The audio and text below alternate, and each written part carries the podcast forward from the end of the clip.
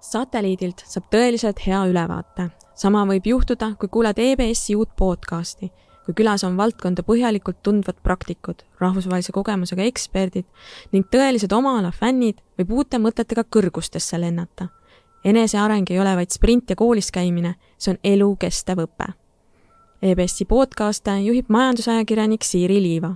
saateid saab kuulata nii Apple podcastides, Spotify's kui ka Youtube'i kanalis mis variandid on Eestil jätkusuutlikuks tervishoiu rahastamiseks, kui suur peaks seejuures olema inimese omaosalus ja mis oleks peamine kasu, mida raviraha liikumine koos patsiendiga endaga kaasa tooks? sellest räägime täna Ivo Saarma ja Egon Veermäega. mina olen saatejuht Siiri Liiva. Ivo Saarma on ühe esimese suurema erahaigla Fertilitase rajaja Eestis. ta on kaua aastaid juhtinud Eesti Eratervishoiuasutuste Liitu ja osalenud aktiivselt sünnitusabi günekoloogia arendamisel Eestis ta on ka Eesti Naisarstide Seltsi president, ämmaemandate ühingu auliige ja Sotsiaalministeeriumi erialanõunik. Ivo on tuhande üheksasaja üheksakümne neljandal aastal välja antud käsiraamatu Pereks kasvamine üks autoritest. ta on olnud ka peresünnituse esimesi propageerijaid Eestis meie teine saatekülaline Egon Veermäe omab üle kahekümne aasta juhtimiskogemust avalikus sektoris. viieteistaastase karjääri jooksul Maksu- ja Tolliametis oli ta viimased viis aastat peadirektori asetäitja. pärast seda töötas ta viis aastat Sotsiaalkindlustusameti peadirektorina, aidates asutuse juhtimist moderniseerida. hiljuti liitus Egon Eesti tarkvarafirmaga Aurora ettevõte ehitab e-kaubanduse vallas tarkvaralahendusi, mis aitavad kaasa tõhusale kaupade liikumisele, maksude tasumisele ning kiirele tollimisele tere tulemast satelliidile! kuna meie keskseks teemaks täna on tervishoiu rahastamine, siis äh, esimene küsimus on niisugune natukene isiklikumat laadi, et äh, kas teile meenub äh,, mis on olnud teie endi esimene kokkupuude tasulise meditsiiniteenusega või erameditsiiniga? Ivo, alustame sinust.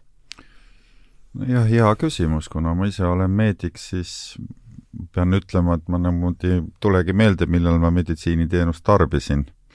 no siis on väga hea võib-olla tervis. esimene mulje erameditsiiniteenusest tekkis minul üldse Soomes, et ma üheksakümne teisel aastal läksin sinna mõneks ajaks praktiseerima ja siis ma puutusin ka seal kokku eravastuvõttu tegevate tohtritega ja sai seda koha peal ka vaatamas käidud ma pean ütlema, et sealt ma sain ka selle idee üldse hakata nagu erameditsiiniga tegelema või ma tahtsin nagu ära tulla riigisüsteemist ja hakata ise midagi tegema. mulje oli muidugi positiivne, et noh, see annab võimaluse teha palju sellist, mida riigisüsteemis võib-olla kohe teha ei saa ja, ja sul on muidugi oluliselt suurem vabadus. aga noh, kõik need pahed, mis sellega kaasnevad, need selgusid hiljem, palju hiljem. et äh, erasüsteem on eksisteerinud äh, kogu aeg paralleelselt äh, riigisüsteemiga ja ta ongi, täiendab ja täiustab, ütleme niimoodi, ta kunagi ilmselt ei asenda, ma ei tea ka riiki, kus oleks äh, sada protsenti erasüsteem, et ühes on ta rohkem arenenud, teises vähem. paradoks on see, et mida jõukam riik, seda vähem seda kohtab ja vastupidi mm. -hmm. no sellest kõigest me saame saate jooksul veel põhjalikumalt rääkida Egon? no kui ma niimoodi mõtlen, siis äh, ma arvan, et mis mulle meenub, äh, seda ma ei oska nüüd öelda, kas oli erameditsiin või mitte, aga üheksakümmend viis aasta ma õppisin Norras ja see oli noh, ütleme, meie riigi seisukohalt oli see just aeg, kus me tulime sellisest Nõukogude ajast välja ja ma sattusin riiki, mis ei ole just kõige odavamate killast, on ju. ja siis ma mäletan, et mul olid mingisugused äh, Äh, mingisugused, äh, mingi väikesed tervisehädad ja ma pidin minema sinna meditsiini nii-öelda tarbima ja siis see arve, mis seal tuli, noh, see oli noh, see isegi, ma arvan, tänapäeval oli päris suur aga erameditsiiniga kokkupuude mul on ka tegelikult väga, väga vähene, valdavalt ikkagi nii-öelda hambaarst, on ju, et kus ma, kus ma käin, on ju, tarbin era, erameditsiini nii-öelda teenust mm. -hmm okei okay., äh, no minnes nüüd äh, teemaga edasi, et ähm, parandage, kui ma eksin, aga minu meelest on äh, meie tervishoiusüsteemi rahastuse alased arutelud käinud tõusude mõõnadega siin üsna pikka aega. ja Ivo, miks need arutelud ikka ja jälle tõstatuvad? no eks ta olegi nagu kuum kartul suus ja, ja poliitiliselt ka selline väga tundlik teema, et enamasti ju jõuame ju kõik sellele äh, küsimusele, mm, mis meid erutab, on raha. ja noh, järgmine küsimus on, et kust koha pealt ta tuleb, et et seda me ju teame, et seina seest teda ei tule ega puu otsast ta ka ei kasva. ja sealt hakkab ka kõik pihta, noh täna on Eestis situatsioon üldteada, et kõik ju on tõdenud, et rahvastik vananeb, demograafiline olukord on lähiperspektiivis, aga ka kaugemas perspektiivis keegi ei ennusta, et siin murrang toimuks sündivus on äh, võrreldes sellega, mis ta kaheksakümnendate aastate lõpus oli, ka kardinaalselt muutunud. ja noh, me oleme sellises peaaegu negatiivses iibes ikkagi kogu aeg kipume olema ja ja see kõik paneb reeglid paika, et äh, selleks, et pakkuda sellisel viisil nagu täna solidaarset süsteemi, siis eeldab oluliselt äh, suuremat rahastamist või tuleks üle vaadata kogu süsteem ja võib-olla on see aeg ka käes, kus oleks aeg hakata vaatama seda süsteemi mm. -hmm. ja võib-olla ka need rahastamise viisid peaksid muutuma, sellepärast et elu on muutunud, sellest tuleks kohe pikemalt rääkida. Äh, miks see tänane äh, tervishoiu rahastamise viis ei sobi mm? -hmm no see, sellest me räägime ka. Ehm, aga kui noh, võrrelda Eesti mm, seda rahastusmudelit, ütleme, teiste Lääne-Euroopa või muu maailma omadega, et ehm, kui paljudes riikides on sarnane mudel kasutusel ja kui paljudes on mingid alternatiivsed? no päris vist ühesugust mudelit ei olegi, on sarnasemaid ja vähem sarnasemaid ja ja Eesti on selles mõttes noh, päris omanäoline, et see meie solidaarsuskindlustussüsteem iseenesest, kui ta loodi, oli ikkagi, oli ikkagi tohutu edasiminek. ma pean ütlema, et hilisemad reformid ei ole küll alati teda paremaks teinud, pigem minu jaoks on ta eh, kehvemaks tehtud, sisuliselt eh, kaotati ära konkurents, mis varem eksisteeris, kui süsteem alustas, siis oli see kõik olemas ja ma leian, et see oli väga suur edasiviiv jõud täna on see sisuliselt likvideeritud äh, või õigemini on väga suured konkurentsimoonutused hoopis tekkinud. et riigisüsteem on äh, pandud võistlema erasüsteemiga, tegelikult äh, maailmas sellist asja kohtab harva mm. -hmm. ja noh, siin on veel selliseid deformatsioone tekkinud, aga ja, ja noh, point ongi selles, et solidaarsust peab ka kogu aeg üle vaatama, et tervishoiud areneb nagu kosmosetehnoloogia, kindlasti areneb see oluliselt kiiremini, kui see rahastus järgi tuleb ja ei olegi vist sellist riiki, kes suudaks kõik kulud kinni maksta. ja siin ka ikkagi peab äh, nagu piiri tõmbama. seda ka mulle tundub, Eesti ei ole tahtnud väga teha ja ja ma näen aeg-ajalt selliseid diskussioone, mis mind lausa ärritavad, et noh, ei ole võimalik äh, üks miljon ravi eest maksta, kui ta, sa tead, et selle eest jääb sada inimest ravimata mm. -hmm. no see on selge, et äh, raha on äh, alati kõige keskmes. Äh, no Egon, sina oled pikalt maksukogumisega tegelenud, aga ka puutunud ühe alternatiivse ameti juhtimisega kokku, Sotsiaalkindlustusametiga. ja no ma saan aru, et seal on ka see raha küsimus või alarahastuse teema on ka nagu hästi päevakajaline olnud jah, et noh, ma arvan, et, et et äh, see, et meil nii-öelda nii-öelda raha jääb vähemaks, see on ju üldteada mm, -hmm. üldteada Te. teiseks on meil teada see, et äh, rahvastiku, rahvastikuprognoosid ja see on struktuurne probleem, on ju, see on ju teada selgelt, et rahvastik vananeb, väheneb ja, ja tegelikult äh, sellega seonduvalt kulud kasvavad ja teisest küljest ju kodanike ootused ka kogu aeg teenustele kasvavad. et see ongi see, see ongi see dilemma, on ju, siin on erinevad uuringud ju Praxise puhul tehtud Äh, samuti, et mis selle tervishoiu rahastamisega tänaste mudelitega äh, ei ole võimalik äh, selle baasi, selle baasiga, mis meil on, neid mudeleid tegelikult rahastada nii sotsiaalsüsteemis, on ju, nii tervisesüsteemis, et ja tegelikult see, see, see on see probleem, mis, mis tuleks ära lahendada, on ju et kui me vaatame ka täna siin nii-öelda põgusalt seda nii-öelda kärpeuudiseid, noh, siis tegelikult ikkagi minu küsimus on, noh, mis on need struktuursed muudatused, mida me teeme, et siis saada hakkama? Üks lihtne viis on see, et eh, me teeme nii-öelda aritmeetikat, matemaatikat, tõstame makse, on ju, aga ma arvan, ühiskond ei suuda, ei, ei võta seda hästi vastu ja teisest küljest noh, me peame ka vaatama siin seda, et me oleme ju siin konkurentsis, on ju, teiste riikidega oma avatud majandusega, et seda tuleb ka vaadata ilmselgelt, on ju, nii et eh, ikkagi see struktuurne probleem on ja jääb. et kui me vaatame ka riigieelarve, on ju, kõige suuremad kulud, kulukohad, kus, kus meil siis on, on ju tervishoid ja teine koht on siis sotsiaalvaldkond, ehk siis valdavalt pensionid, on ju.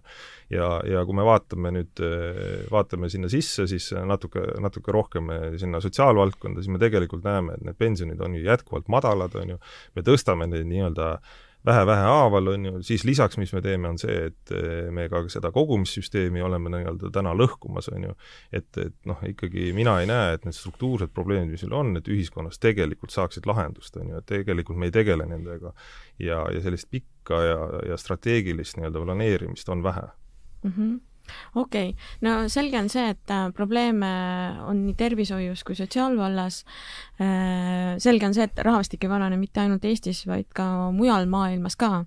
aga kui võrrelda nagu Eesti olukorda mõne teise riigiga, et kus on nagu äh, praegu juba suudetud nagu leida mõni parem lahendus ja kus on nagu olukord veel hullem kui meil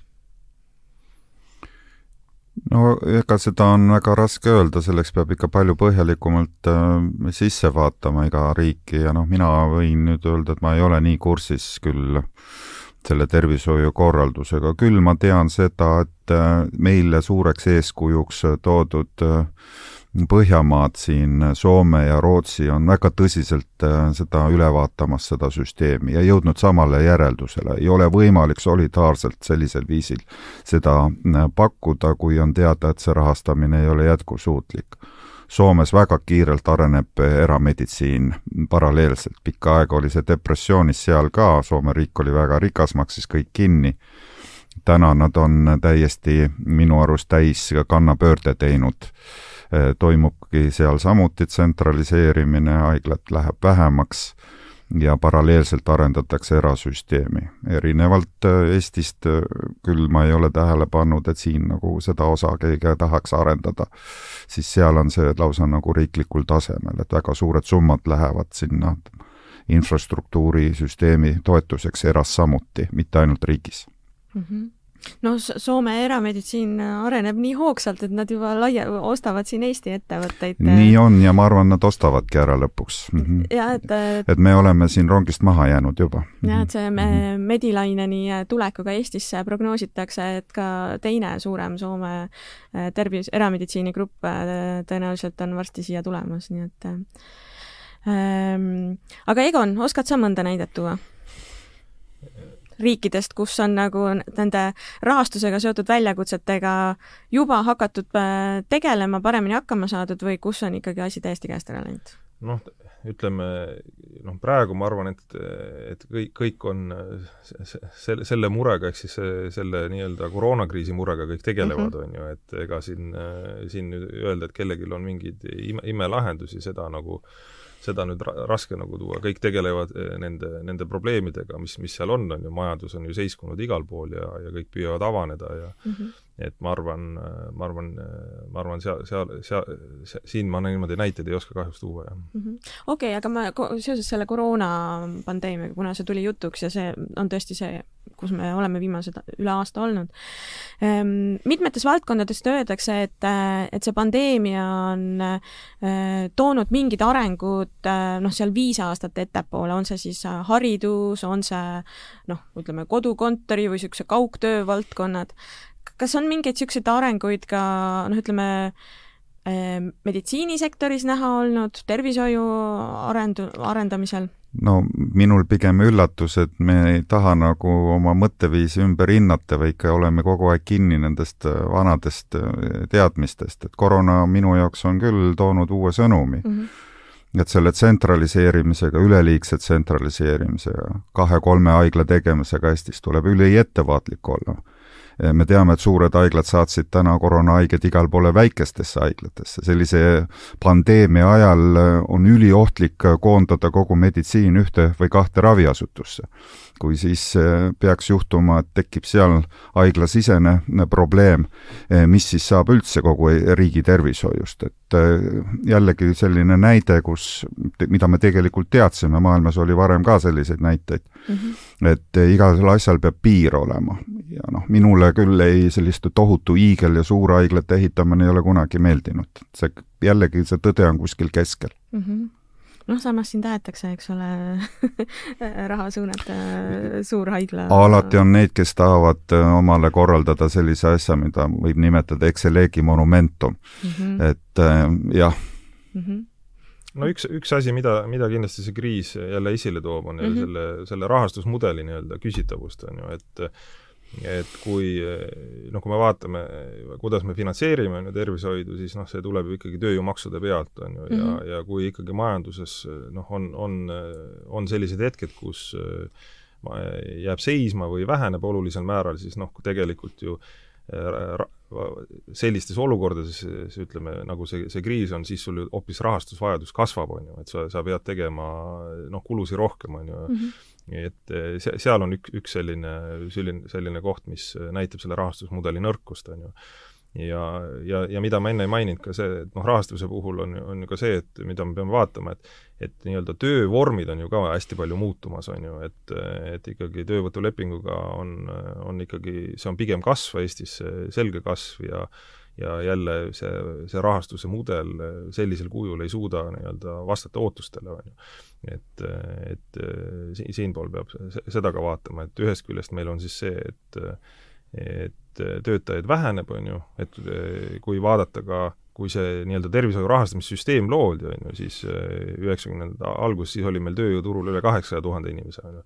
täna on oluliselt vähem, on ju, lisaks on see, et on kasvav ka nii-öelda äh, erinevate töö, töö, töövormide nii-öelda erinevad viisid, on ju, ja sealt, sealt, sealt on kindlasti see baasrahastus väiksem, nii et need probleemid on jätkuvalt sealt äh, seal olemas, et eh, kui me olemuslikult midagi ei muutu, noh siis, eh, siis, siis, siis ongi valikud, kas me tõstame makse või me siis peame oluliselt vähendama, vähendama selle teenuse kättesaadavust, aga, aga siin ma ütlen, et ühiskond, inimesed ei, tahavad pigem ju saada paremat teenust mm. -hmm. ja noh, ma selle jutu jätkuks igati toetan just nimelt, et see suhe on täiesti muutunud viimase paarikümne aasta jooksul, et ähm, kui tööandja oli vanasti see sotsiaalmaksu maksja, siis mulle tundub küll nüüd, et äh, need uued töösuhted, mis on tekkinud, seda kuidagi ei toeta ja, ja mis veel on tekkinud inimene selles infoväljas, kus ta täna on oma võimalustega, et noh, kui vanasti räägiti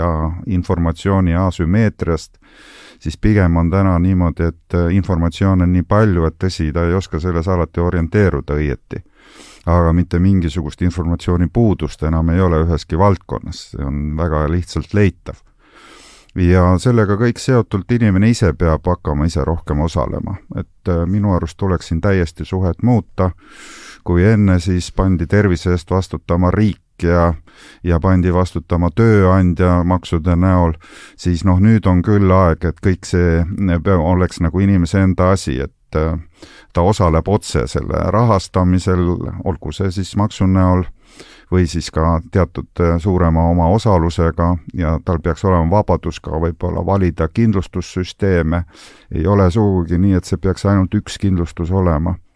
ja ja see raha peaks ikkagi temaga kaasas käima, et mina olen selle eest kogu aeg võidelnud, viimased kümme aastat on sellest räägitud, aga me kuhugi jõudnud ei ole, et kui tuli see Euroopa direktiiv patsientide vaba liikumisest, siis noh, mina leidsin, et siis oleks olnud kõige õigem aeg see samasugune asi ka Eestis kehtestada. aeg oli juba siis selleks ajaks küps aga nüüd, kus seda tehtud ei ole, oleme ikkagi jõudnud sinna punkti tagasi, et et see on selline asi, millele tuleks nüüd mõelda ja, ja see oleks täiesti uus paradigma mm. -hmm. no see, eks see erinevad ütleme, osapooled ühiskonnas on ka seda noh, patsiendi omaosaluse suurendamist ja, ja seda nagu raviraha liikumist koos patsiendiga ikkagi nagu aeg-ajalt jutuks toonud. Ehm, samas aga see, kui ma nagu õigesti aru sain, et siis see ei ole olnud äh, ütleme niiviisi otsustajate niisugune nagu võib-olla nagu meelis äh,, eelistus.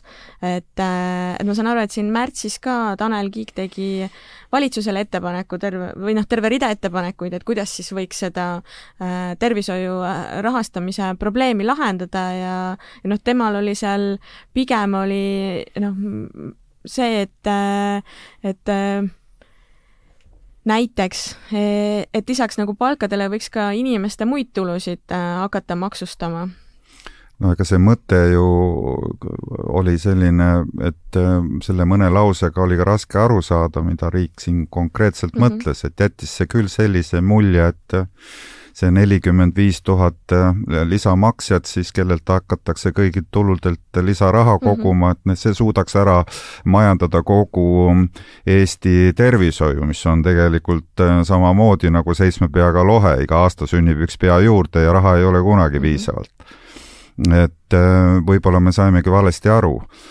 Kui siin on mõeldud seda, et füüsilise isiku tasandil äh, tõesti tuleks see maks äh, ja tuleks maksustada kõik tulud mingi konkreetse määraga, siis seal on täiesti oma loogika olemas, me teame, et väga palju on selliseid väikeettevõtteid, kes optimeerivad oma palkasi. ja mis siin salata, see ongi ebaõiglane, et tema võtab oma dividenditulu ja jätab äh, üksikettevõtjana siin omale võib-olla palga üldse välja maksmata. Ja siin on veel selliseid tuluallikaid siin, kes siis teenib nende üürituluga kogu oma aastase sissetuleku, et noh, siin on loogika olemas et ta peaks samamoodi eh, maksma sotsiaalmaksu nagu palgatöötaja ja see veel korra räägib seda, et see tuleb viia üksikisiku tasandile ja mitte see ravikindlustusmaks siduda tingimata tööandjaga mm. -hmm. noh, mina, mina nagu noh, minu jaoks on pigem see, see küsimus, et, et et kas me lahendame nagu olemuslikult, kas me reformime mingit süsteemi või me lihtsalt, lihtsalt ütleme, et otsime täiendavaid tulusid, et mina, mina vaatan neid ettepanekuid pigem nagu selles kontekstis ja need on rohkem, et otsime tuluallikaid, on ju. et tegelikult seal ei ole, ei ole seda arutelu ja, ja ettepanekuid, et kuidas me võiksime süsteemi noh, parendada. et, et eh, nagu siin ka kõlas, on ju, et kas me saaksime tuua rohkem konkurentsi süsteemi sisse, on mhm. ju, et kas me, kas me saaksime rohkem erameditsiini eh, näiteks arendada, on ju. kas me saaksime tõsta omaosalust, kuigi Eestis omaosalus eh, protsent meditsiinisüsteemis, noh, mis on valdavalt küll ravimite kaudu tuleb, on üks kõrgemaid Euroopa Liidus mm -hmm. muideks, on ju. et niipidi vaadata. nüüd, kui natuke nagu noh, nii-öelda äh, natuke nii-öelda vaadata neid maksutehnilisi ettepanekuid, siis siis mina näen seal nagu mitmeid probleeme, et sellega ma olen nõus, et jah, et, et, et et teatud inimesed nii-öelda oma nii-öelda töö, tööjõumaksude optimeerivad nii-öelda seaduslikul viisil, on ju, et et nad ei maksa, ei osale sotsiaalmaksus, aga nende maksu äh, maksuettepanekud minu meelest võiksid ka arvestada seda kogemust, mis meil on, on ju, sellised järsud maksutõusud, mida meil eh, nii-öelda kogemus näitab, toovad tegelikult kaasa sellest, et maksude laekumine üldjoontes ei parane mm. -hmm. et pigem, eh, pigem ikkagi maksude laekumine kas jääb samale tasemele või, või leitakse muud lahendused, et kindlasti maksutõusude puhul võiksime, võiksime õppida sellest kogemusest, et selline vaikne maksutõus on ju, mida ühiskond suud-, nagu aktsepteerib ja suudab kohaneda, et see, see, see on normaalne, et, et ikkagi kui kuskil öelda äris, et järgmine aasta sa maksad, noh, piltlikult öeldes on ju, ma ei tea, kolmkümmend protsenti rohkem, et noh, see, see ei ole nagu adekvaatne, et ma inimesed ikkagi on ju mingisugused ärimudelid endale üles ehitanud ja ja, ja, ja nad ei, nad ei, ei võta seda vastu, no selles mõttes nad peaksid palju kohanema. ja kindlasti mõned ettepanekud ei, ei, ei, ei, ei arvesta nagu noh, adekvaatselt, on ju, et et nad pigem vähendavad maksutulusid, et seesama üüritulude pool, et olles selle teemaga kokku puutunud, et tegelikult äh, et eh, seal riik on ju vähendanud seda maksukoormust piltlikult öeldes, et eh, on antud eh, see maksukohu-, maksumäär on seal kaheksateist protsenti, et nii-öelda kaks protsenti see tavaüürnik ta saaks oma kulusid, nii-öelda piltlikult öeldes kulusid ka arvesse võtta, on ju, seal on nagu vähendatud ja see kõik on kantud sellest loogikast, et pigem äh, viia ta optimaalsele tasemele, et need inimesed maksaksid neid makse, on ju, et seal ikkagi administreerimise mõttes peame ka seda arvestama, et ikkagi Eestis nii-öelda maksukultuur on tegelikult päris hea, on ju, ja inimesed maksavad, nad otsustavad maksta. ja nüüd, kui me seal eksime, noh siis me tegelikult, see kahju, mis me teeme, nende in-, inimeste nii-öelda käitumise mõttes, noh, et seda tuleb ka hinnata. mida ma tahan öelda, et noh, alati tuleb läbi mõelda ka igasugused maksutõusud või et eh, kuidas need peale panna, on ju, ja noh, tundub, et tänase valitsuse puhul ju see tegelikult ei ole teema, on ju, et eh, makse keegi ei, ei, ei, ei, ei taha tõsta ega langetada. no nad on lubanud maksurahu, jah. jah, et, et pigem, pigem on see nii-öelda, aga, aga selle, selle küsimusega tuleks tegeleda, et mi, mi, mina väidan seda, et et see lahendus, et me tõstame makse, on eh, kõige halvem lahendus selles mõttes, et et me ei muuda ju süsteemi olemuslikult, on ju. et ega see kulud meil ei vähene mitte kuidagi. ja siis me oleme varsti jälle selles samas seisus, kus me ütleme, et me peame veel makse tõstma.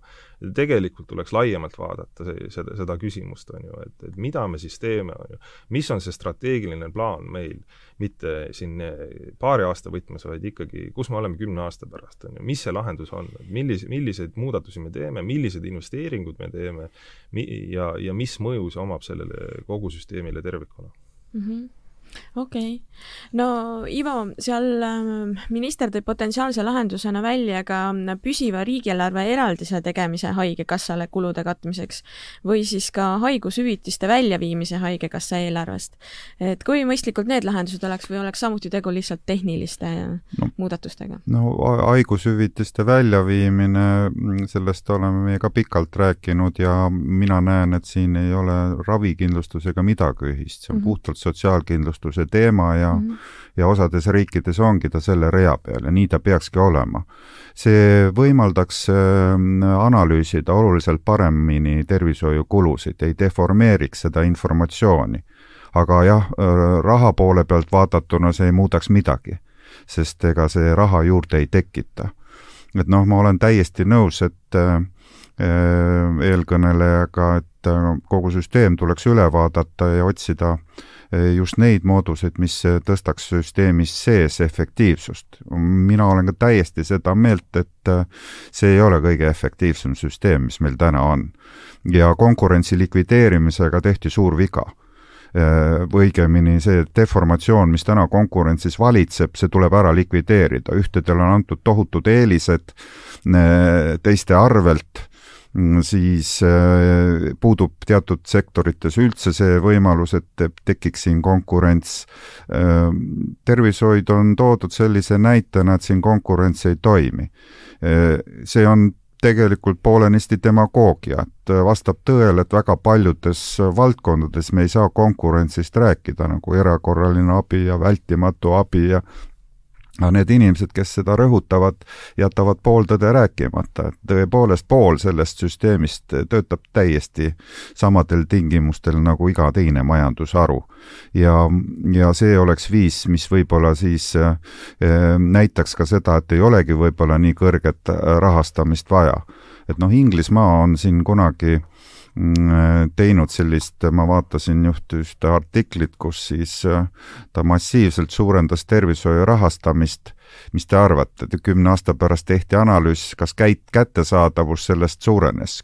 ei suurenenud Mm -hmm. et äh, ma ka hoiaksin, et ei ole, et see rahastamine, suurendamine ei tarvitse üldse mingit efekti anda, kui need alustalad jäävad samaks mm. -hmm okei okay., no Egon, kui haigushüvitised sotsiaalkindlustuse alla viia? noh, selles mõttes, et ma olen nõus, et see noh, lõpuks on see nagu niisugune tehniline muudatus, et ega siis see rahavajadus sellest ju otseselt ei, ei muutu, et aga ma ei, ma ei välistaks ka seda, et mingid, mingid sellised ümbertõstmise võib nagu teha, et selguse mõttes ja mm, -hmm. ja võib-olla et kui see ei ole noh, nii-öelda põhiäriga, nii-öelda kui seda sõna võib kasutada selles kontekstis seotud, et siis oleks mõistlik ümber tõsta, on ju, et et aga see otseselt nagu ei, ei vähenda, noh, pigem mina ütlen, igasuguste hüvitiste ja toetuste puhul, noh, me peaksime üldse nagu riigis mõtlema, et, et kas meil on mõistlik neid erinevaid asju erinevates kohtades nagu administreerida, et nii sotsiaal, töötu, eh, haigekassa, et noh, tegelikult noh, ma arvan, et see on ka üks koht, et et võib-olla vaadata seda, seda kohta nagu tervikuna, konsolideerida need asjad kokku, et äh, minu meelest Eestis see võimekus äh, meil on olemas, äh, ma mõtlen, ja eeldused on olemas selles mõttes, et me suudame, ütleme noh, oma infotehnoloogia abil ikkagi ja Eestis olemata lahenduste abil me näeme inimest väga hästi võrreldes nagu teiste mm -hmm. riikidega ja me teame väga hästi, et milline see inimene on ja, ja ma arvan, et see nii-öelda, see konsolideerimine toob ka selle, selle, selles mõttes kasu, kasu kaasa, et, et me siis näeme, et võib-olla meil on mingeid tegevusi, mida iga nii-öelda maja nii-öelda oma oma kontekstis peab seda hästi oluliseks, aga kui panna nagu see, see kokku, siis hakkavad tekkima nagu natuke teised vaated selle, selles kontekstis, nii et eh, ma arvan, seal on, seal, seal on see koht, on ju.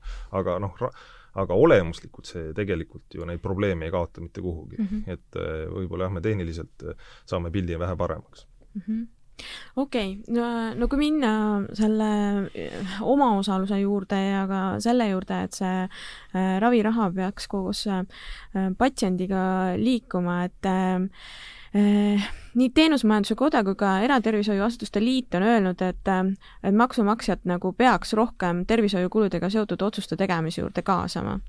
Ivo, kuidas seda teha saaks? No üks äh, idee oligi, et äh, nii nagu Euroopa Liidus patsient, äh, kui ta liigub, siis ravikindlustus käib temaga kaasas mm, -hmm. mitte Haigekassa ei määra, ei suhtle tervishoiuasutusega, vaid siis peab Haigekassa pöörama näoga patsiendi poole mm. -hmm ja, ja olema seal nagu partneriks. täna seda, see Eestis ei ole, täna on ju tervishoiu, tervishoiuasutus see, kes siis ainult patsiendiga suhtleb, Haigekassa suhtleb ainult tervishoiuasutusega. Mm. -hmm noh, ütleme niimoodi, et ega siis jah, alati tulebki mõelda, et mis see raha juurde tekitab, et mina arvan küll, et sellisel viisil muutub inimese nagu mõtteviis ja käitumine, et ja ma usun, et inimene oma valikutes täna võib-olla on isegi veel parem, kui, kui keegi kolmas seda suudab teha. me kogu aeg ikka arvame niimoodi, et inimesed teevad valesid valikuid mm -hmm. ja mhm. ei teha, suuda õigeid otsuseid teha ja noh, ma pean ütlema küll, et no oleks aeg see lapsehoid ja mängimine ära lõpetada, vaid äh, tõesti tänases ühiskonnas kaasata kodanik Mm -hmm. ja kui ta on kaasatud, siis ta hakkab ka mõtlema nendele kuludele. täna muide inimene ei mõtlegi. Tal tõesti on täiesti irratsionaalne mõtlemisviis, kuna ta neid tervishoiuarveid ei näe, väga hea, vist oli juttu, et läks eratervishoidu ja nägi arvet ja siis oli üllatus suur mm. -hmm. aga see arve selgub, et on riigisüsteemis veel suurem ja, ja, ja kui ta oleks saanud seda võrrelda eraga, oleks võib-olla selgunud, et eral oli hoopis odavam, muide Eestis on see täiesti reaalne pilt täna mm. -hmm mis valdkonnas näiteks? väga paljudes valdkondades, olgu selleks kirurgilised operatsioonid, aga samuti siin veel paljud muud sellised spetsiifilised teenused, et noh, ambulatoorne osa on täna ka juba peaaegu võrreldav mm. -hmm. mitte veel päris, aga peaaegu võrreldav. No ega jah, raha juurde ei kasva, sellest oli juttu ja ega siis maksumaksja, kui me räägime maksude tõusust, et kellelt see siis tuleb, on minu küsimus. see võetakse ju inimestelt. sinna tekib ainult vahele veel üks äh, tohutu äh, instrument, kes siis hakkab seda raha ümber jagama ja kindlasti arvab, et tema on see parim jagaja. kui inimene osaleb otse, siis hoitakse juba sellega väga palju haldus- ja administratiivkulusid kokku. Äh, lisaks sellele on, ma arvan, ikkagi ikkagi see otstarbekam kui, kui see, kui keegi kolmas seda jagab. no on ju teada ka see, et ega raha saab küsida ainult nendelt, kes on suutelised seda maksma mm. -hmm. et ei ole mõtet ju rääkida maksu suurendamisest ega ka kõrgest omaosalusest, kui me mõtleme siin pensionäre, lapsi. selge, et solidaarsus peab jääma ja tänases demokraatlikus ühiskonnas see on ka täiesti loomulik. see on kõik läbirääkimiste teema ja on võimalik läbi arutada ja see ära määratleda. aga muidu ma arvan küll, et äh, see raha, kui on plaanis, kui see on pla-, kui see on vajalik, et ma olen nõus, kõigepealt tuleb seda analüüsida, kas ikka on vajalik mm. -hmm. kui efektiivne see meie süsteem on mm. -hmm. et ei pea sugugi alati alustama sellest, et tõstame makse.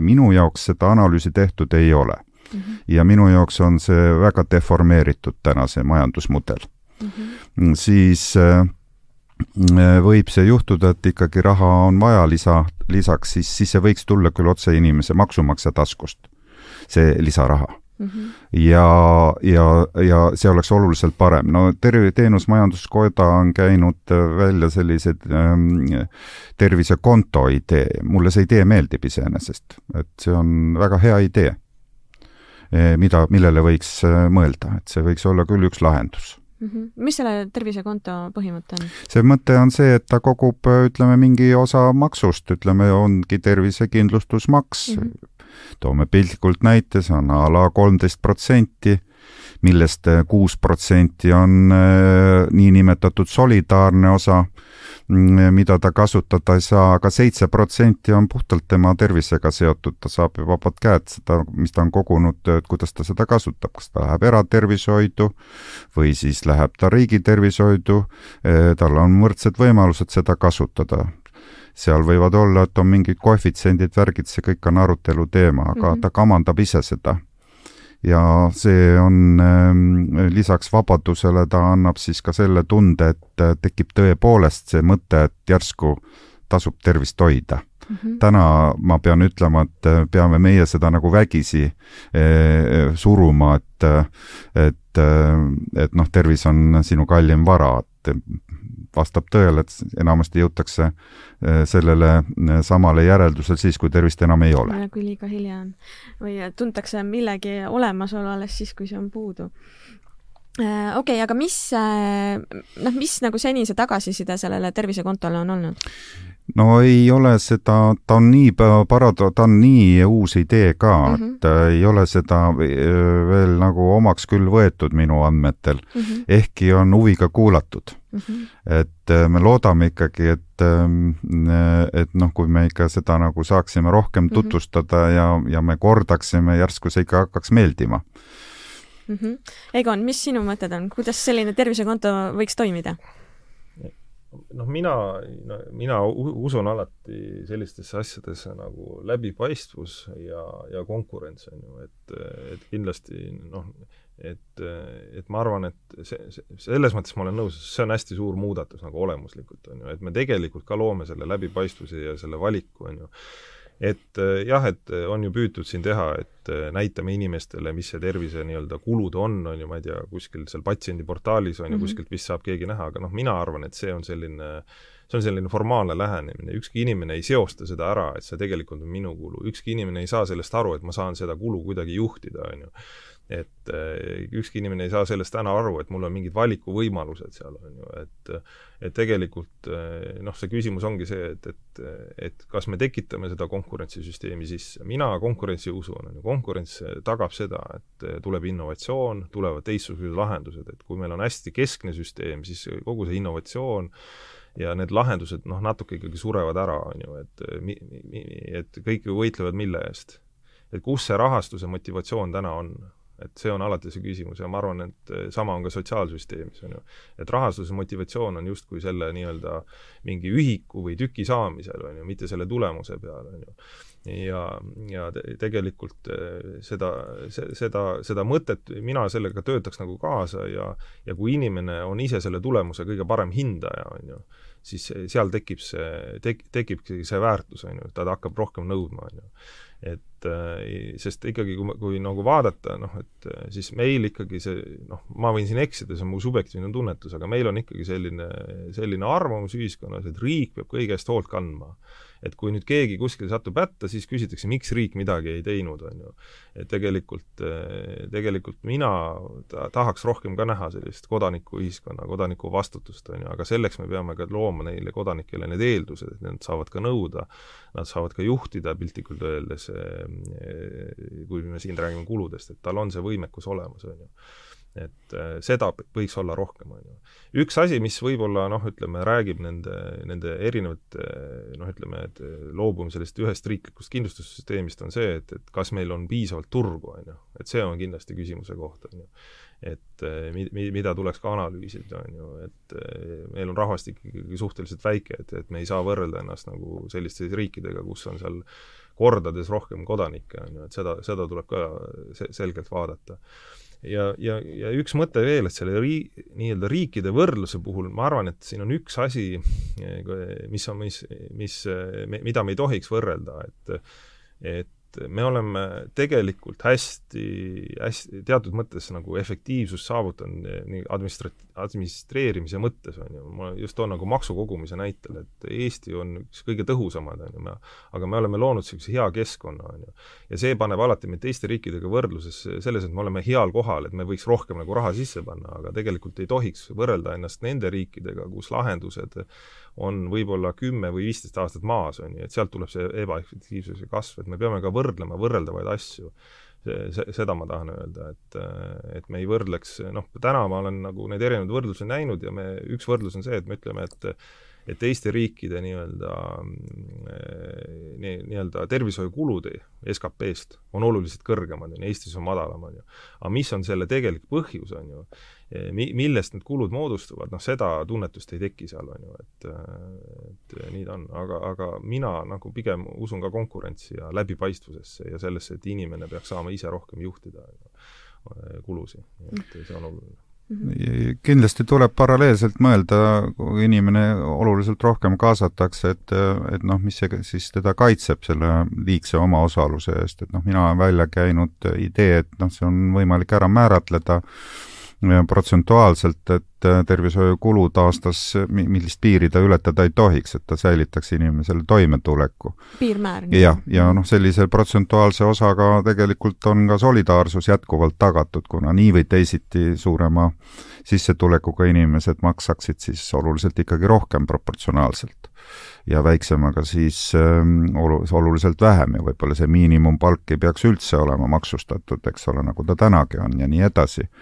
Et siin on arutelu koht ju küll, pigem on võib-olla probleem sellise süsteemi rakendamisel või elluviimisel see, et kuidas, kuidas ikkagi saada neid objektiivseid andmeid nende sissetulekute kohta leibkonnade kaupa mm. -hmm. et ähm, see ei ole üldse lihtne ülesanne riigile, aga ma usun, et tänaste võimalustega niisugused, niisugused analüüsivõimalused ka tekivad, täiesti mõeldav asi mm. -hmm no Ivo, äh, Fertilistasest on äh, ligi kolmekümne aastaga kasvanud üks äh, Eesti suurimaid erahaiglaid. mis hinnangu sina annaksid, kas Eestis on piisavalt turgu erameditsiinile? no mina täna tunneli lõpus valgust ei näe mm. -hmm. et äh, täna on siis tehtud nii, et äh, arengukava haiglad võivad müüa tasuliste teenuste turul täiesti piiramata tasulisi erateenuseid paralleelselt äh, sellele, mis ta Haigekassast saab. ja erale siis Haigekassa raha nagu jaotatakse ainult nii palju, kui see laua pealt pudeneb ja ülejäänu peaks olema nagu siis sinu enda erategevus aga kuidas sa siis konkureerid, kui sul üks osa siis, kes on ehitanud eh, riigi eh, rahadega või ütleme siis maksumaksja rahadega infrastruktuuri, tehnoloogia saanud, ja teine peab seda tegema kõik omal riisikul ja siis mõlemad konkureerivad tasuliste teenuste turul, nagu see täna on, siis äh, on ju tulemus teada pikas perspektiivis, mina seal valgust ei näe mm. -hmm. riik on tahtnud öelda kogu aeg seda, et see on nii väike osa aga noh, Eesti ongi väikse turuga, et see neli protsenti suurhaigla käibest tundub küll, et see on nagu märkimisväärne, aga see neli protsenti on tegelikult, eh, me oleme seda analüüsinud, kogu eraettevõtete käive selles piirkonnas. ja nii lihtne see ongi, et siin meil on nagu natukene, ikka kipub see olema, et meil on nagu topeltstandardid ja me nagu ei taha ausalt rääkida mm. -hmm okei okay., no samas, kui vaadata seda Eesti erameditsiinisektorit, et äh, noh, võimalik, et see koroonapandeemia on selle välja toonud rohkem, aga no iseenesest Confido kasvab äh, väga jõuliselt, meil on Qualitas, Medicum ja nii edasi. et äh, ku-, kust nad siis kasvavad? mille arvelt äh,?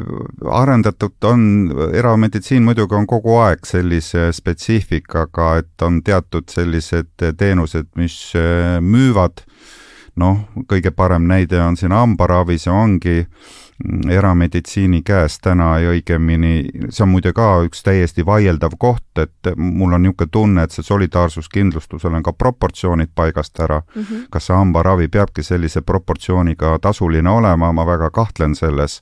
seal on hästi pisikene summa. absoluutselt, samal ajal näiteks ambulatoorne abi või haiglaabi on omaosalus ainult üks protsent. Mhm. et noh, miks see nii peab olema et noh, selliseid kohti on siin väga palju, Eestis räägitakse kõrgest omaosalusest, aga see tuleb täiesti üksipulkadeks lahti võtta ja me oleme sellega tegelenud, pool sellest kogutud andmetest tundub meile täiesti, et need ei ole statistiliselt, need andmed, mis kogutakse, ei ole tõsiseltvõetavad.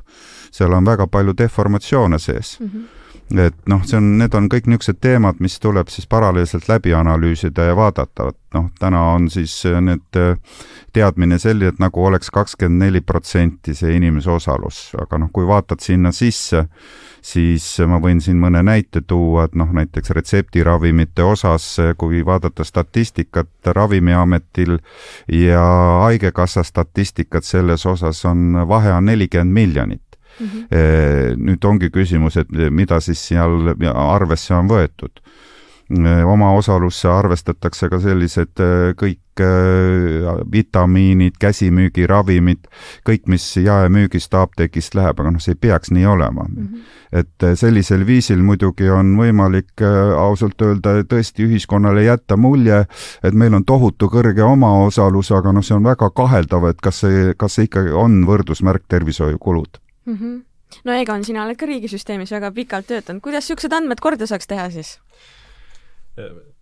no ma, ma arvan, et eh, tegelikult meil on nagu häid andmeid, et ma ei oska konkreetseid nii-öelda võrdlusi ja andmeid nagu kommenteerida, et, et eh, aga minu soovitus on alati olnud, et kui mingid andmed kokku pannakse, siis see, see, see kokkupanemise juures on oluline nagu äh, algusetapis kaasata kõik olulised inimesed, et ei mm -hmm. oleks niimoodi, et need olulised inimesed loevad neid andmeid kunagi hiljem ja siis püüavad aru saada, mis nüüd siin kokku ke keerutati või kirjutati, on ju, et, et ma arvan, see on nagu tähtis, et tegelikult et läbipaistvuse juurde ma tulen tagasi, et kõik me saaksime aru, on ju. Mhm. ja, ja tegelikult ma ei usu, et riik kardab andmeid, on ju, selles mõttes, et tegelikult kui sul on andmed, siis sa saad, tead ju, mis on su olukord ja siis sul on võimalik tegelikult nagu juhtida neid asju, on ju, et et et äh, ma arvan, et selles, selles ei ole küsimus, on ju, et äh, nii, nii, nii ta on jah, aga, aga jah, andmed Eesti riigil on, ma arvan, et ja nende kokkusidumine ei tohiks, ei tohiks keeruline, keeruline olla, et oskused ja teadmised on ju ka meil tegelikult olemas ja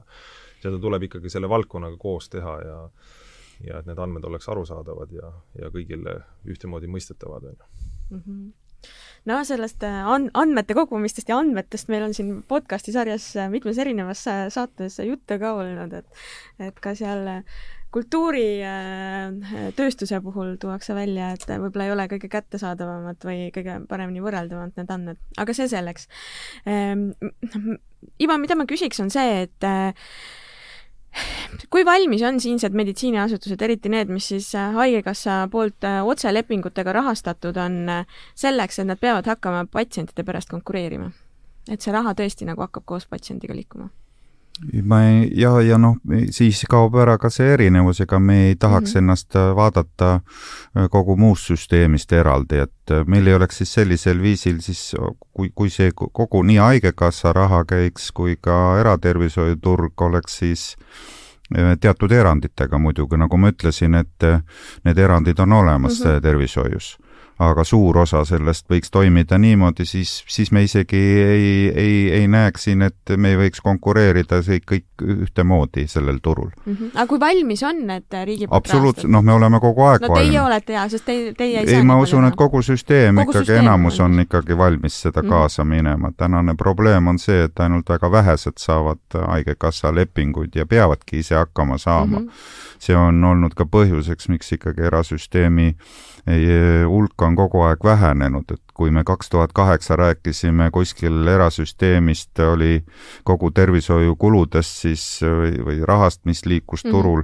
oli seotud eratervishoiuga kuskil viisteist protsenti, siis nüüd me räägime ainult kuuest-seitsmest protsendist. -hmm. ja naljakas on selle juures veel see, et iga kord, kui jälle on uus Haigekassa valik, räägitakse, et jaa, eratervishoiu rahastamist on vaja tõsta, tulemus on ab-, absoluutselt vastupidi iga kord mm. -hmm. see väheneb mm. -hmm ja täna on jah, see niisugune ikka üsna kriitiline, see haigla, Haigekassa osalus, ehkki ma pean jällegi Haigekassa kaitseks küll ütlema, et, et selle viimase perioodiga tekkis meil esimest korda selline tõsine diskussioon, kuidas seda raha jaotada seda raha on vähe, aga, aga ka see jaotamine ei olnud varem õige, et mm -hmm. nüüd mulle tundub, et see uus süsteem on palju õiglasem seal arvestati ka meie arvamusega ja mm. -hmm. ja me ise ootame huviga, et kuidas see toimima hakkab. mõnes mõttes seal on isegi rakendatud nagu seda vaba liikumise põhimõtet mm. -hmm et äh, raha jaotub selle järgi ümber, kuhu patsiendid hakkavad rohkem suunduma mm. -hmm. ja nii see peakski olema, me oleme kogu aeg seda rääkinud, mitte ei, mitte ei räägi mulle Haigekassa ega räägi riik, et vot küll, küll seal on toredad arstid ja küll seal antakse head arstiabi mm, -hmm. vaid inimene ikka ise otsustab, kus need head arstid on ja rääkida nüüd niimoodi, et äh, kogu ravi võidakse vussi keerata ja inimene arvab, et äh, inimene aru sellest ei saa, no kuulge, kallid sõbrad, saab ikka aru küll, et kui ikka midagi vussi on läinud, tal võib küll rohkem aega kuluda selleks, kui ta nii ta aru saab, aga aru ta saab. ja ega ta sinna tervishoiuasutusse rohkem ka ei lähe mm. -hmm. see on enam kui selge mm. -hmm. No neid nii-öelda vussi läinud äh, ravilugusid meil on ju meedia pidevalt täis. no seda jah, tahetakse rääkida, aga ma olen siin küll jällegi vähem kriitilisem, et kui me nüüd räägime sellest, milline meie kvaliteet võiks võrreldavalt teistega mm olla, sest siin me väga nuriseda ei saa. aga jah, point on ka sellest, et, et, et sellise rahastamisega seda enam ka jätkata ei saa mm. -hmm okei okay., millise kvalitatiivse hüppe võiks äh, see meditsiinisüsteemis kaasa tuua, kui patsient, kui raha, raviraha hakkab patsiendiga koos liikuma? ma arvan, ta toob tegelikult, ta toob kasu tegelikult kõigile osapooltele. Ja ta puhastab esiteks sellised deformatsioonid kõik ära, et konkurentsi näol elama jäävad siis äh, ikkagi sellised tugevad ettevõtmised, rääkida, et kvaliteet sellest võiks langeda, no ei näe kuidagi võimalust, et see nii on. vastupidi, nagu ma ütlesin, kui ravikindlustusega alustati, siis konkurents oli väga selge, mis pani Eestis ka kiirelt arenema, et hiljem, kui seda jah, siis ära rikuti, see siis tegelikult hakati seda raha ka hoopis kehvemini kasutama valedel eesmärkidel. ja nii edasi võib näiteid tuua, et inimene ise hakkab osalema selles, mõtle, mõtlemisviis muutub, minu jaoks ongi võib-olla kõige olulisem seda muuta mm, -hmm. et inimese mõtlemisviisi muuta Mm -hmm. ja, ja meie tänane inimene on selleks valmis, ta on haritud ja, ja, ja anname talle selle võimaluse selles kodanikuühiskonnas, me kogu aeg armastame sellest rääkida mm, -hmm. aga tervishoiu rahastamise mudel on täiesti vastupidine, et me väldime, väldime üldse seda mõtlemist, nagu inimene võiks ise siin midagi otsustada mm. -hmm. see on vale mm. -hmm no Egon, mina küsin, mida võiks tähendada see, et kui raviraha koos patsiendiga liig-, liigub äh, äh, kindlustustoodete arendamise mõttes, arenemise mõttes? Noh, see, si-, siin on ikkagi, ma arvan, et kui turg on, küll need arenevad, et mm -hmm. selles mõttes, et si-, see, seda ei maksa küll karta, on ju, küll need tooted tekivad, on ju, et aga, aga siin on jälle tähtis, on ju, et mis on see pikaaegne plaan, on ju, ei saa mm -hmm. olla lühiajalisi plaane, on ju, et et ette, ettevõtjad siis need tooted siin turul pakkuma hakkaksid, on ju. aga seda ma nüüd ei kardaks, et see neid ei teki, on ju. et see on ju ilmselge, et, et kui on turgu, küll need tooted ka tekivad, et ettevõtjad on nutikad, et küll nad need tooted pakuvad ja ja, ja keegi ei tule ju selliste toodetega turule, mida, mille, milles siis need kliendid ka ei võidaks, on ju, noh, et see mm -hmm. tehakse ju klientide jaoks ja see peab olema ikkagi võit-võit suhe, nii et mm. -hmm noh, minu meelest nii Confido kui Viveo Health ongi juba nagu esimeste selliste toodetega nagu turule tulnud. ja, ja täna ongi probleem pigem selles, et see solidaarsuskindlustus, ravikindlustus Haigekassa näol, kuna ta katab praktiliselt kõik ära, sealhulgas on väga palju sellist, mis on noh, ongi kaheldav, et, et kas ta ikkagi võik, ei võiks olla suurema omaosalusega mm, -hmm. siis ei olegi võimalik nendel kindlustusfirmadel turule tulla mm. -hmm et omaosalust äh, suurendades või inimese enda osalust suurendades selles protsessis äh, kohe paugu pealt tekib siin ka kindlustusturul konkurents ja muide, see on ka igati tervitatav, ma mhm. usun mm, -hmm. hinnapoliitikas, et et oleks rohkem neid kindlustusfirmasid mm, -hmm. kes, kes tahaksid osaleda. muidugi, mis on, mis on tõsine probleem, et üks miljon elanikkonda või poolteist miljonit elakonda ei ole atraktiivne ühegi kindlustusfirmale. see on tõsine probleem et noh, kui, kui siia turule keegi tuleb, siis kindlasti saavad need olla rahvusvahelised suured kindlustused täna nad meil puuduvad, aga, aga võiksid osaleda, osa neist täna ka mm, osaleb, meil on ka lepingud Fertilitaselgi mm. mitme kindlustusfirmaga, aga see osakaal on ikkagi väga väike mm. -hmm okei okay., see on väga põnev teema, mida võiks veel ja veel lahata küll ühe ja teise nurga alt, aga, aga meil kahjuks äh, aeg hakkab otsa saama. aga enne, kui me selle podcastile täielikult äh, joone alla tõmbame, et siis äh, meie kuulajad teavad, et meil on ka niisugune traditsiooniline lõpuosa, kus me küsime igalt külaliselt äh, kolm küsimust ja egagi teilgi pääsu neist pole et esimene küsimus traditsiooniliste äh, küsimuste äh, hulgas on siis see, et mis on see juhtimisraamat, mida soovitaksid lugeda kõikidel, keda siis paeluvad juhtimisküsimused või väljakutsed. Ivo, alustame sinust no ma ütleksin, minul ei ole niisugust läbivat teemat, väga palju mhm. häid raamatuid on, aga ma räägin pigem siis sellest, kes mind on inspireerinud ja, ja et noh, ütleme, Jack Welsi elulugu on mind inspireerinud mm, -hmm. et et tegemist on siis General Electricsi asutajaga. ja see on muljetavaldav, kuidas ta täiesti alt üles nagu jõudis sinna tippu ja ja tema need juhtimise põhimõtted on, on mõtlemise koht, aga raamatutes siin, kui ma ei eksi, oli selle autor Collins Heast suurepäraseks. Ja Cohen, kuidas inimesi mõjutada ilma võimuta üldse on minu juhtimise teoorias äh, esikohal inimene, et me nii hirmsasti tahame äh, rääkida, mm, et kuidas ja mis ja minul igasugune äriidee hakkab pihta selle küsimusega, kes, kes on need inimesed keda ma sinna protsessi kaasan ja kes hakkavad sellega tegelema, alles siis ma hakkan mõtlema, et mida ehitada või mida osta. mulle tundub küll siin tihtipeale Eestis käib vastupidi, et kõigepealt ehitame valmis ja siis vaatame, kes seal tööle hakkavad, teades juba, et ei ole inimesi et äh, seda mm, ei, ei poolda sellist mõtlemisviisi. tervishoius on kulude poole pealt vaatatuna ka seitsekümmend protsenti on seotud personalikuluga. ja, ja tegelikult siin see meeskonnatöö ongi kõige tähtsam, inimene tuleb väärtustada, töötaja tuleb väärtustada mm. -hmm väga hea, väga head soovitused, kohe mitu tükki. nii, Egon, mis on see üks juhtimisraamat, mida sina soovitaksid?